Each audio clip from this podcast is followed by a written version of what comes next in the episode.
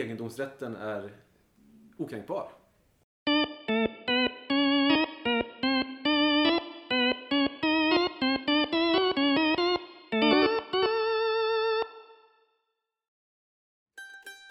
Du lyssnar på Följ din ledare, en podd från Idagora. Vi hjälper dig att orientera dig bland moderata, liberala, konservativa, borgerliga och centerpartistiska ledarsidor.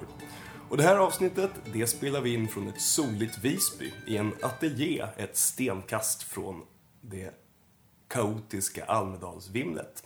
Och idag ska vi prata om skog och vi ska prata om äganderätt. Jag heter Henrik Sundbom, jag är chefredaktör för Edagora och med mig i ateljén idag så har jag eh, Marcus Svensson som fram till nyligen var politisk redaktör på Smålandsposten men som eh, nu är näringspolitisk kommunikatör på Södra Skogsägarna. Välkommen Marcus! Tack så mycket! Eh, och Martin Jakobsson, tecknare, något av ett nätfenomen med serierna i Fablernas land. Som bland annat syns på Svenska Dagbladets ledarsida. Mm, ibland. Ja. Eh, och dessutom en av initiativtagarna till bondeupproret för äganderätt, egendomligt, som har lanserats här i, i Almedalen. Välkommen du också. Tack. Eh, och äganderättsfrågor, det är ju inte någonting som man kanske i första hand förknippar med, med Sverige. Eh, I det internationella indexet International, International Property Rights Index eh, från 2015 så var Sverige sjunde bäst i världen vad gäller egendomsskydd. Fast 2012, då var vi näst bäst i världen. Och det är inte så att det är några andra länder som har klättrat om oss, utan det är faktiskt så att Sverige har tappat i status. Eh, så att eh, nog finns det ändå fog för att prata om, om äganderätt. Ehm, så jag tänkte, jag ställer frågan öppet till er båda eftersom ni båda, eh, ja Marcus har ju skrivit mycket om äganderättsfrågor i, Smålandsposten och, ehm, och egendomligt har verkligen eh, som mål att sätta upp de här frågorna på agendan. På vilket sätt är egendomsrätten hotad i Sverige idag? Ja, man kan säga, jag tycker man kan börja i historien. På 1600-talet så tvistade man om bönderna hade äganderätt eller bara förfoganderätt. Eh, sen fick vi ett starkare skydd för äganderätten och det var ju med de enskilda eh, små bönderna, skogsbönderna, som eh, det tog fart i skogen. Och det är därför vi är ett skogsland idag. Men idag så vet vi att vi har ju äganderätt.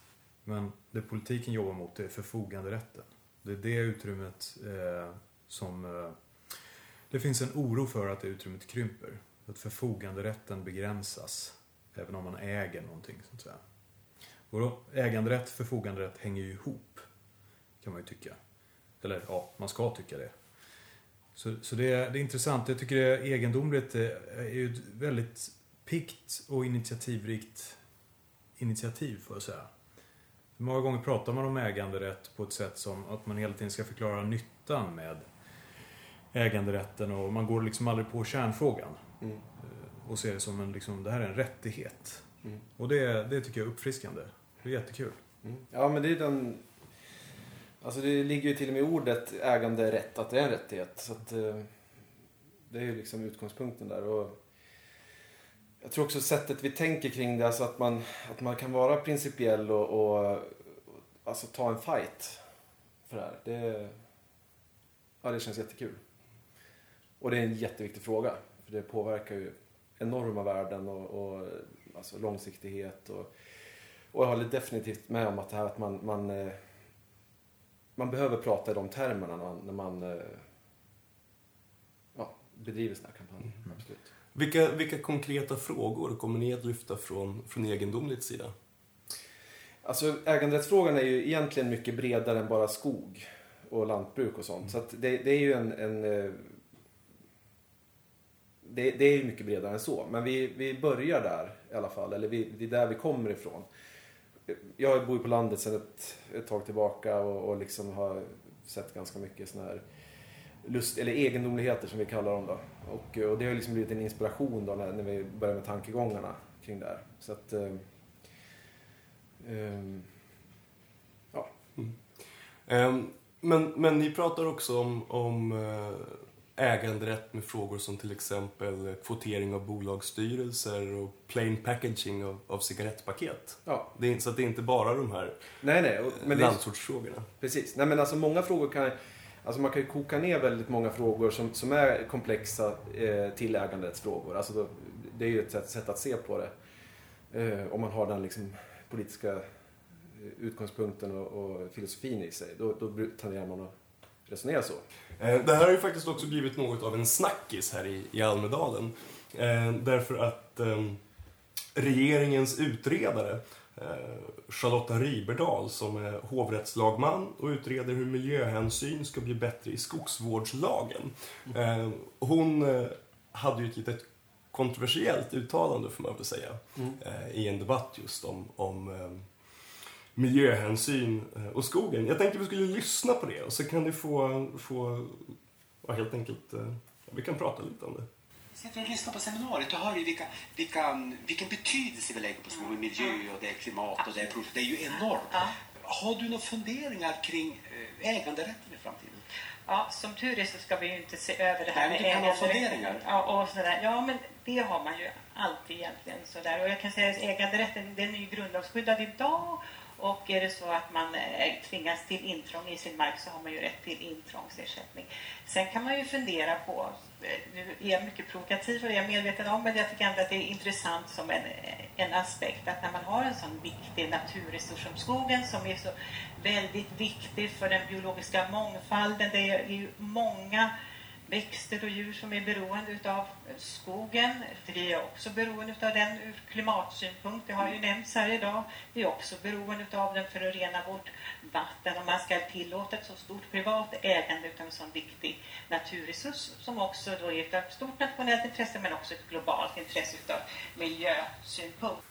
Ja, Ja, där- ska man tillåta ett så stort privat ägande av en viktig naturresurs? Jag tycker man måste ha några saker klara för sig. Hon är en hög, högt uppsatt jurist. Hon har inte i uppdrag att se över äganderätten. Hon är medveten om att hon är provokativ och hon ger uttryck för starka värderingar. Det här måste hon ju någonstans själv inse att det för här försvagar ju trovärdigheten i hennes egen utredning. Och det är allvarligt. Och jag tror att regeringen kommer få problem om hon fortsätter att uttrycka sig på det här sättet. Eh, Så det är liksom det första eh, kritiken. Sen, är- sen är det ju det är historielöst Mm. att eh, se på skogen och på det här sättet. När det är, det är det privata ägandet som har byggt upp det vi har idag. Och det vi har med oss under 1900-talet i mitten, det är en statlig skogspolitik där man skulle bestämma allt. Eh, och där man skulle ta död på lövträd till exempel. Eh, och det där gillar inte markägare som tycker om att vistas i sin skog. Och det här började man ju inse framåt 90-talet och då började man ju med den här modellen frihet under ansvar. Man gav markägarna en stor frihet mot att de själva skulle jobba med naturhänsyn, frivilliga avsättningar och, och, och, och sådana saker i sitt eh, skogsbruk. Och det har, har man ju lyckats med väldigt bra. Och det går ju åt rätt håll hela tiden. Och när man ger människor frihet så blir det ofta bra. Mm. Eh, vi ska väl säga det för, för sakens skull här nu att, att eh, den ansvarige ministern, Sven-Erik Bucht, han har ju, Bucht, eh, precis, han har ju tagit avstånd från det här och sagt att han ska, ska prata allvar med sin utredare. Eh, Miljöpartiets eh, miljöpolitiska talesperson Stina Bergström däremot, eh, hon twittrade kul och modigt av skogsutredaren att ifrågasätta det privata ägandet av skogen. Eh, men jag tänkte att vi kan väl ändå vi kan väl ändå prata lite om det här som hon, som hon faktiskt ger uttryck för. Att det skulle vara problematiskt för miljöhänsynen. Att eh, den biologiska mångfalden och de levande skogarna på något vis skulle hotas av, av privat ägarskap. Eh, du Martin berättade tidigare en, en anekdot från eh, Sydafrika. Nej, men och det är, det är ju samma sak. eh, Det gäller ju givetvis här. Nej, men alltså, äger du din skog, du sköter den, du har ekonomiska intressen av det. Eh, I det här fallet så var uppe och reste i norra Sydafrika på gränsen till Zimbabwe. Där man inte har så mycket egendomsrätt. Och eh, på Sydafrikasidan så var det ju liksom en en otrolig mångfald av djur. Och det är privat mark. Nu är det jaktturism där som är, som är väldigt drivande och så. Men ser man bara på andra sidan Limpopo River så är det ju dött. Mm. Och det är ju så. Eh, det är allmännas tragedi och Ja, ingen det- som bryr sig. Nej, men det är, och det är, jag tror att det är en lärdom från svenska skogsbruket också. Och jag tror att vi kan lära delar av världen det här. För att, eh, det är ju att man måste ha lönsamhet för att gör, satsa på naturvård och det är återplantera. Det är ju så att man, man kallar det ju ofta avverkning. Man, man skördar ju Mm. eh, skogen och man planterar igen. Och det, det, är, det är också där klimatnyttan ligger. Den, det är skogen som växer som tar upp koldioxid. Just det, för en, en gammal skog som har slutat växa, den har också slutat ta upp koldioxid. Det kan man, det kan man ju säga. Eh, så att det, det finns ju många fördelar med det svenska skogsbruket ur ett klimatperspektiv. Sen naturligtvis finns det, kan man göra mer på naturvårdssidan. Men, men, eh, och idag skapar man ju hyggen, eh, i alla fall i, i södra delarna av Sverige, där de är inte så särskilt stora och de eh, är liksom eh, man upplever inte att man är på det man förknippar med ett kalhygge när man går igenom en, sån avverkning. Men det där är ju också, nu pratar vi Ja. på ett ganska övergripande plan, det är ju också väldigt mycket enskilda människor som står där. Alltså man pratar om, om eh, alltså, stora... Ja, jag pratar om kollektiva nyttan här. Ja, men, nej, kollektiva du har nyttan, helt förstår rätt. Ja, Du har helt rätt. för, jag, för jag tänker liksom alltså eh, en, en så viktig eh, resurs som är till för eh, miljö eller vad det nu är. Alltså det är faktiskt människor som går där och brukar och den, den, eh, deras syften. Det är många som har investerat enormt mycket tid och, och själ i, i sitt skogsinnehav och sparar för sina barn. Och, ja. Ja. och, och hur ser det då om det, om det, om det blir värdelöst helt plötsligt? Det är ju enormt många enskilda människor som drabbas. Och Mm. Det tycker vi är en så här otroligt viktig grej i den här kampanjen, att lyfta de små. Ja, det har ju varit det, om man får göra tillägg där, så är det, det är ju det har lite grann varit så att de eh, ofta bolag och, och andra aktörer kanske har eh, satsat hårt på väldigt produktiv skog. Och eh, sen finns det då de privata ägarna som eh, tycker att det är trevligt att vistas i sin skog. De vill plocka bär och svamp och, eh, och har satsat mer kanske på naturvård.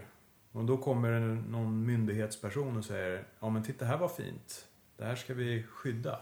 Mm. Eh, Så att man, man, det finns en misstro mot eh, de enskilda Ja, markägarna. men det är som den här tanken med gröna korridorer.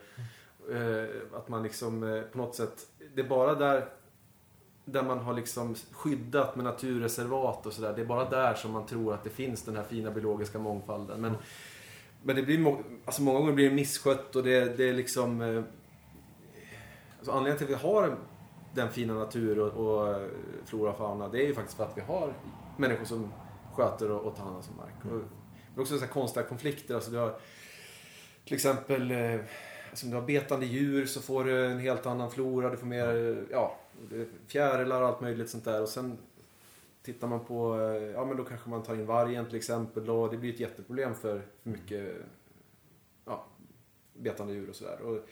Ja, då kanske du har en varg men du har förlorat massa andra. Alltså det går inte att tänka på det sättet. Och jag, och jag, jag tycker någonstans att, och det är också svårt att argumentera liksom jag, jag tänkte på, mm, det var ju en, det stoppades en avverkning här nyligen för, på grund av lavskrika. Ja. Och lavskrikan trivs i, i, nu är inte jag expert på lavskrika, men, men den trivs i äldre skog.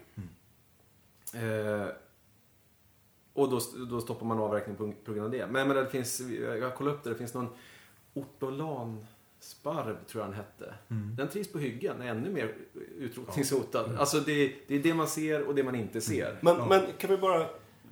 Det här är ju jättefascinerande att man, att man stoppar en avverkning. Och om man tar en, en privat skogsägare som vill avverka sin skog, en skog som man har planterat kanske två generationer tillbaka, för man har ju ofta otroligt långa tidsperspektiv i skogsbruket.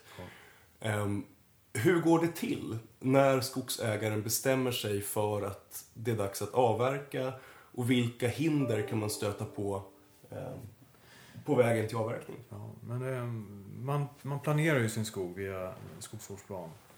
Och eh, där ska man ju ha olika ålder på till exempel då, i sin skog. Så att inte all skog är jämngammal. Utan man ska ha ständig föryngring och kontinuitet i, i, i skogsbruket. Och sen eh, är det ju då har vi myndigheter som kontrollerar att man eh, gör det här på rätt sätt. Men sen anmäler man avverkningar. Och det är det den här Eh, en del i den här utredningen som vi hade upp här tidigare. Ska fundera ju på att föra in i lagstiftningen möjlighet för miljöaktivister och eh, ja, allmänhet då att eh, överklaga eller ta det här till rätten. Eh, Och visst finns det sådana exempel på fjällskog där, där miljöorganisationer faktiskt har kunnat ja, jag kan inte det i detalj men det, det är precis där man har haft möjlighet att eh, gå vidare rättsligt så har man ju naturligtvis gjort det. Men jag tycker också det, man, det börjar med att säga att eh, man har en skogsplan, eh, skogsvårdsplan som man ska, ha visst, man ska ha, man ska ha. Alltså för vem? Jo, För men det är det, faktiskt, alltså, säg att du inte vill... Du kanske vill ha en, en plockhuggen gles eh, där du kan gå och hugga din julgran en gång om året eller något sånt. Kan- det kanske är det som är ditt syfte med skogsinnehavet. Eh, Vem ska liksom... ja, Ska vi, ska vi eller ska jag själv få bestämma det? Ja, det, det där är ju en, eh, det är en principiellt eh, intressant fråga. Det, det håller jag med dig om. Jag är nog inte riktigt lika övertygad om att vi ska ha ett helt oreglerat eh, skogsbruk. Precis som jag tror att vi behöver regler på många områden.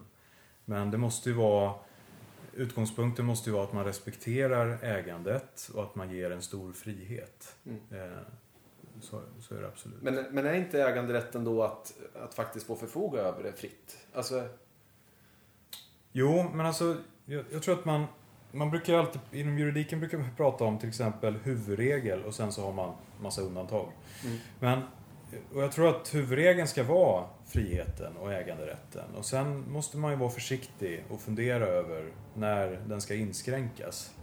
Eh, och- och det, det tycker jag är rimligt. Men jag, man kan säga att äganderätten har ju en väldigt stark ställning om man tittar på vad, vad det står i grundlagen.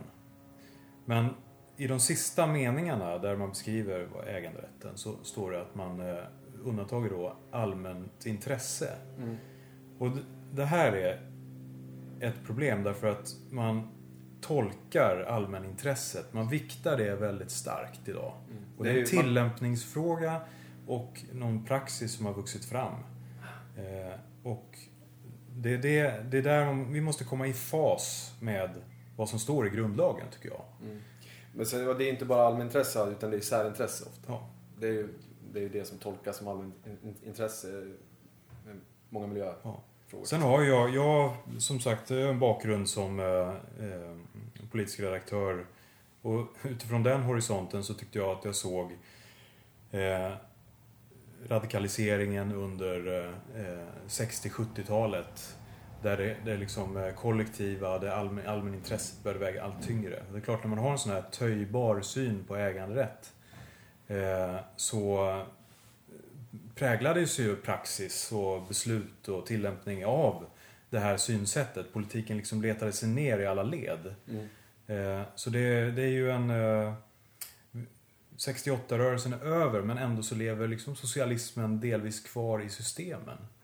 Eh, Men det är bara en spaning från min sida. Mm. Ja, men det, jag, jag kan eh, hålla med. Jag, jag, Eh, Men här finns det ju också en tydlig parallell till, eh, till de diskussioner som, som har funnits kring eh, avhysningar av tillfälliga bostäder och, och migranter som har byggt sina hem på, på annans mark. ja, det tycker jag är ett jättebra exempel. Eh, på det, det, det är ju egentligen inte så svårt att resonera kring, tycker jag. Alltså, om du har din mark, du äger din mark, då måste du kunna säga att du får inte bo här. Jag tycker inte, det borde inte vara svårare än så, faktiskt. Mm. så att, och, jag tror att just i de där fallen som... Alltså det är väldigt mycket tillit som försvinner när man, skip, alltså när man, när man går ifrån de här principerna. Folk, eh, alltså... Tänk dig, ska du investera långsiktigt till exempel. Ska du bygga upp din, din verksamhet och så, så, så kan du inte lita på att du faktiskt får, får skörda frukten av det du investerar. Då, ja, då tappar du väldigt mycket. Mm.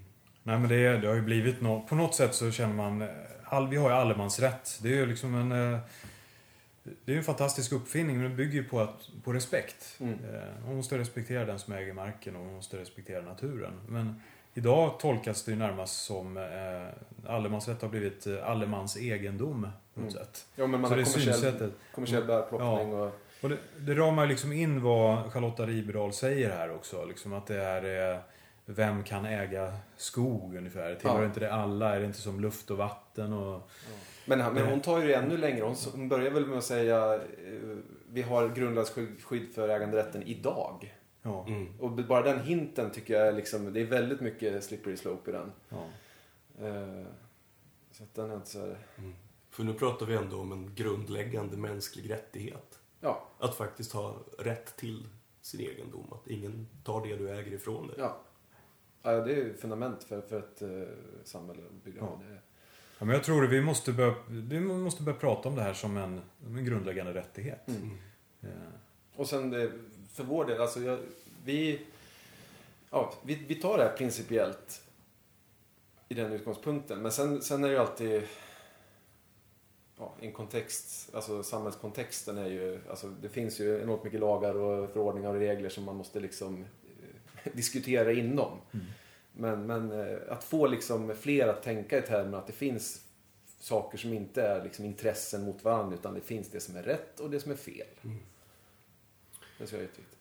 Nu har vi sett då eh, två olika reaktioner på ett sånt här uttalande. Å ena sidan landsbygdsminister Bucht som säger att äganderätten den är fundamental, vi ska inte diskutera detta.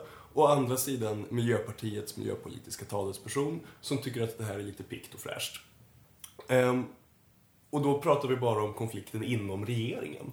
Hur ser den politiska diskussionen i riksdagen mellan partierna ut vad gäller de här frågorna? Tänker man på det här sättet? Finns det på agendan? Det finns en ganska bred eh, samsyn kring, eh, eh den är väl förankrad, den politik som ligger idag i alla fall. kan man säga. Sen har man lite olika ingångar på det hela. Men, men eh, landsbygdsministern eh, Sven-Erik Bucht har ju vid flertal tillfällen under den här veckan markerat eh, just äganderätten. Det, det här är, det är lite nytt, tycker jag. Att eh, man har under många år haft liksom eh, ifrågasatt den. Man har pratat om att liksom skydda mer skog eh, och den typen av liksom, samtalston och läge har det varit. Så jag tycker att den här veckan har, har, har liksom förändrat eh, eller i alla fall gett hopp i den här riktningen tycker jag. Ja, vi hårt. Ja. Absolut. Nej, men sen, sen är det också... Eh, det är en sak vad politikerna har liksom i agenda och sådär. Men det finns... Eh, mycket av de här problemen är ju liksom att det går tjänstemannavägen via EU-direktiv och allt möjligt. Så det kommer tillbaka en annan väg. Så att det kanske inte är en... en eh, ja, det kommer liksom beslut som inte har alltid tänkts igenom av de som ska... Eller ja, de som ska, de som sätter agendan. Nej, den stora utmaningen är ju att förstå, just om man nu eh, skulle, ja, nu har vi pratat om skogar, men det är just gentemot eh, övriga EU. Mm. Att förstå hur vårt skogsbruk går till. Mm. Eh, För de, eh, de har inte samma sätt att se på detta där alls. På vilket sätt skiljer det sig?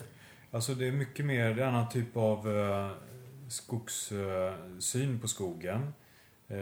Och det, det är, man håller på med andra metoder, man gör, man gör kanske inte lika, li, riktigt lika stora ingrepp. Och eh, man vill, eh, ja, bevarandesidan är ganska stark och det är rekreation och det är eh, den typen av värden, sociala värden, kanske som styr mer där. Samtidigt som allemansrätten som idé känns ju väldigt genuint svensk på många sätt till Ja. exempel. Absolut, och det är den ju.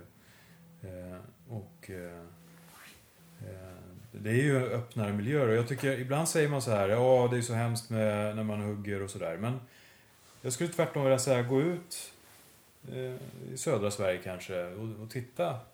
Sätt dig vid ett eh, hygge, ett småhygge som det ofta är. Och eh, ha vinden i ansiktet så eh, så djuren inte eh, känner dig. Och sitt tyst en stund och se vad du ser. Då kanske kommer fram rådjur, går förbi en räv eller du ser en älg. Och det är ofta i, i de här markerna där det finns, det finns gott om vilt. Och det, det tycker jag är en fantastisk upplevelse. Vi pratade alldeles nyss om, om de politiska aspekterna och, och skillnader i samtalston. Att nu i år har faktiskt det, det pratas äganderätt och skog. Um, jag kan inte låta bli att tänka på vår förre statsminister Fredrik Reinfeldt som höll sitt, eh, ja, vid det här laget bevingade tal om hur han satt på, ofta satt på flygplan och flög tvärs över vårt, vårt land och såg de stora vidderna av mark där det inte bodde någon och de stora skogarna.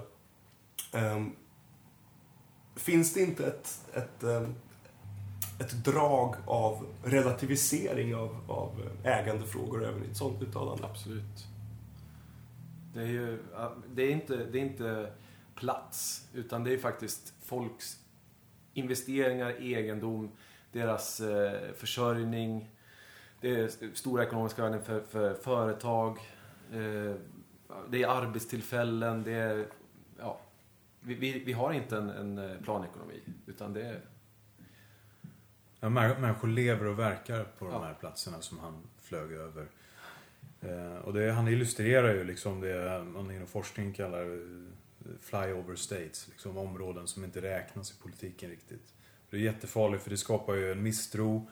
Eh, det blir liksom en anti-etablissemangsanda som växer sig stark. Och det, det där är ju en farlig politisk utveckling. Så att politiker måste bry sig om vad som händer och vara ute och möta de här människorna egendomligt, det här bondeupproret som nu har lanserats under Almedalsveckan. Ni har ju en ganska eh, konfliktsökande framtoning. Det är eh, landsortsborna med, med högaffel i handen som, som vill väcka en gräsrotsrörelse. Eh, hur är stämningarna när man pratar med de människor som berörs av de här konflikterna? Eh, ja, det är väldigt många som är upprörda. Vi har redan fått eh, olika tips och folk som, som skickar in grejer som det, det är känslomässigt. Det finns en liksom upprorsstämning eller, eller en desperation på många platser. Folk som har Ja, men som är väldigt drabbade. Det finns 28 miljoner hektar skogsmark i Sverige. Det är ungefär tre fjärdedelar av Sveriges yta. Eh, hur mycket pratar vi om som, som faktiskt eh, ja, som är svårt att, att ehm, skörda, göra anspråk på? Som, har vi någon uppfattning om, om omfattningen av de här problemen? Ja, det, vi har ju eh, sagt att man ska ha skydd för ungefär 20 procent eh, av marken. Sen dividerar man om eh, vilken typ av mark det är. Om det är allt som ska räknas eller om det är ja, eller om det bara är produktiv skogsmark och sådär. Så att, men så att det, där, det, det finns ju liksom en... Och det, det är det här bevarandesidan och brukarsidan bråkar lite grann om kan man säga. Mm. Men så jag tycker det där synsättet är, är liksom eh, att man ska ha en viss areal skyddad från det är som att, att den, den, marken som faktiskt brukas inte har något värde. Och det har den ju. Det är ju den, det är den vackra natur som vi faktiskt har. Mm. Så att, eh, jag, jag, tycker det synsättet är, är eh, fel personligen. Också. Ja, absolut. Och det, eh, men det, och det har man ju pratat om nu även från Skogsstyrelsen. Att det finns väldigt Ja, det finns väldigt höga naturvärden i brukad skog till mm. exempel. Mm. Och som nu när man, man gör högstubbar ja. på hyggen och sånt där och du ja. får eh, alltså, mycket mer insprängt i, ja. i den skog som växer upp så får du ett eh, ja, naturligt bättre biotop. Mm. Precis. Men, men ska vi stanna, alltså mm. Skogsstyrelsens roll i det här är ju jätteintressant. Därför att miljöorganisationerna de är ju arga på Skogsstyrelsen för att de inte tycker att styrelsen tar tillräckligt stora miljöhänsyn. Mm. Vilken, vilken syn har man från skogsägarsida på Skogsstyrelsen? Nej men det, det är, i, i allmänhet så, så finns det ju en väldigt bra dialog med, med svenska myndigheter. Eh, men eh, det finns en misstro bland markägarna gentemot eh, myndigheter.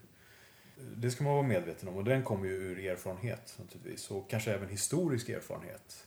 Eh, från, eh, om man går flera decennier tillbaka. Så har man liksom ett familjeägt skogsbruk så har man en lång historia också. Men det, det där är ju svårt, fast alltså när man pratar om hållbarhet och den här typen av frågor eh, så, så är det ju väldigt mycket en fråga hur man definierar det. Liksom. Så det, det finns liksom inget självklart eh, svar. Eh, och skogsbruket är ju väldigt långsiktigt. Så det är de liksom insatser man gör nu, ja det vet vi liksom först om kanske 20, 30, 40 år hur det har fallit ut. Eh, Så det där, det, är- det är ju svårt, för det är liksom inte exakt. Eh, Men jag eh, tycker ju ändå att det, det är liksom de exempel man stöter på liksom när man hör att människor blir, känner sig överkörda. Så det handlar väldigt mycket om att myndigheter inte bryr sig om att ta kontakt med markägarna. Att fråga och föra dialog. Eh, så att det, det finns liksom en, eh, eh, på sina håll i alla fall, en bristande respekt för äganderätten. Oh, men jag tycker det ligger... Bara att man, alltså, föra en dialog med en myndighet för att man, man ska få bruka det man, det man äger. Jag tycker det bara den grejen är, är knepig liksom. Från början var ju Skogsstyrelsen, eh, kan man säga, i dess barndom så var ju det eh, sk- skogsägarnas egna organisationer kan man säga som eh, var satt i lokala råd Mm. och skulle stötta och hjälpa markägarna att bruka marken bättre. Mm. Eh, Men det är också hur och det, det är liksom, man- eh, jag tycker att då, då från Skogsstyrelsen kan kanske lite komma i kontakt med sin egen liksom, bakgrund, Ja. historia. Mm. Precis, men alltså bruka marken bättre också, för det, det är också ett, ett, eh, kollektivistiskt liksom. Ja, men det är nog mer ett, ett alltså, det är, att bedriva skogsbruk och andra verksamheter kräver ju mycket kunskap. Så att, Jo, jo. Om när det fungerar men- som men ett också- stöd och hjälp och eh, att ta fram ny kunskap. Så Ja. på det sättet, det är det jag... Ja, jo, men det förstår jag. Men, men, eh, men jag tycker också... Alltså vi har nu, nu förändrat, alltså all skog behöver inte vara produktiv skog, det behöver inte ge timmer. Vi, vi har till exempel... Eh, du kan göra biobränsle mycket skog. Eh, det är ju massa... När man har, för det är ju på något sätt en, en, en ganska planerad verksamhet Ja. fortfarande, eller väldigt mycket så. Eh, alla, alla experiment som går förlorade på grund av att man måste sköta det på ett visst sätt enligt massa regelverk. Alltså Mm. vi, vi vet inte vilket är det största värdet egentligen. Det Nej, men är det någon- är helt rätt för att det är... Jag tror att när man har frihet och folk får göra mer vad de Ja. vill, då får man också en variation. Och mångfald. Ja, och det är också, Och- tänk och- bil- biolo, alltså, biotoper som, som vi inte ser. Vi har ju stora plantageskogar och de, de är ju produktiva, bra, det, det finns eh, ett syfte med dem. Men det finns ju alla möjliga syften som, som ja, vi tappar. Vi ska alldeles strax eh, släppa iväg Martin till en båt tillbaka till fastlandet. Ja. Eh, men innan vi avslutar tänkte jag bara mycket kort. Vilka förändringar hoppas ni på att få se eh, inom en snar framtid? Och handlar det då främst om lagstiftning eller kultur och praxis som, som behöver, eh, behöver förbättras? Ja, det är svårt att välja mellan detta. Jag tror vi måste förändra vårt förhållningssätt. Eh, myndigheter måste förändra sitt förhållningssätt. Eh, och vi behöver inte mer detaljerade lagar kring skogsbruket, snarare i andra riktningen. Mm, nej, jag tror inte man behöver mer detaljerade lagar. Man, man, kan, eh, man kan bara formulera att eh, egendomsrätten är okränkbar. Då behöver man inte komplicera mer egentligen. Det låter toppen. Ja, Vilken bra avslutning. Stort Tack för tack för att ni kom hit. ja. kul att få komma. Tack.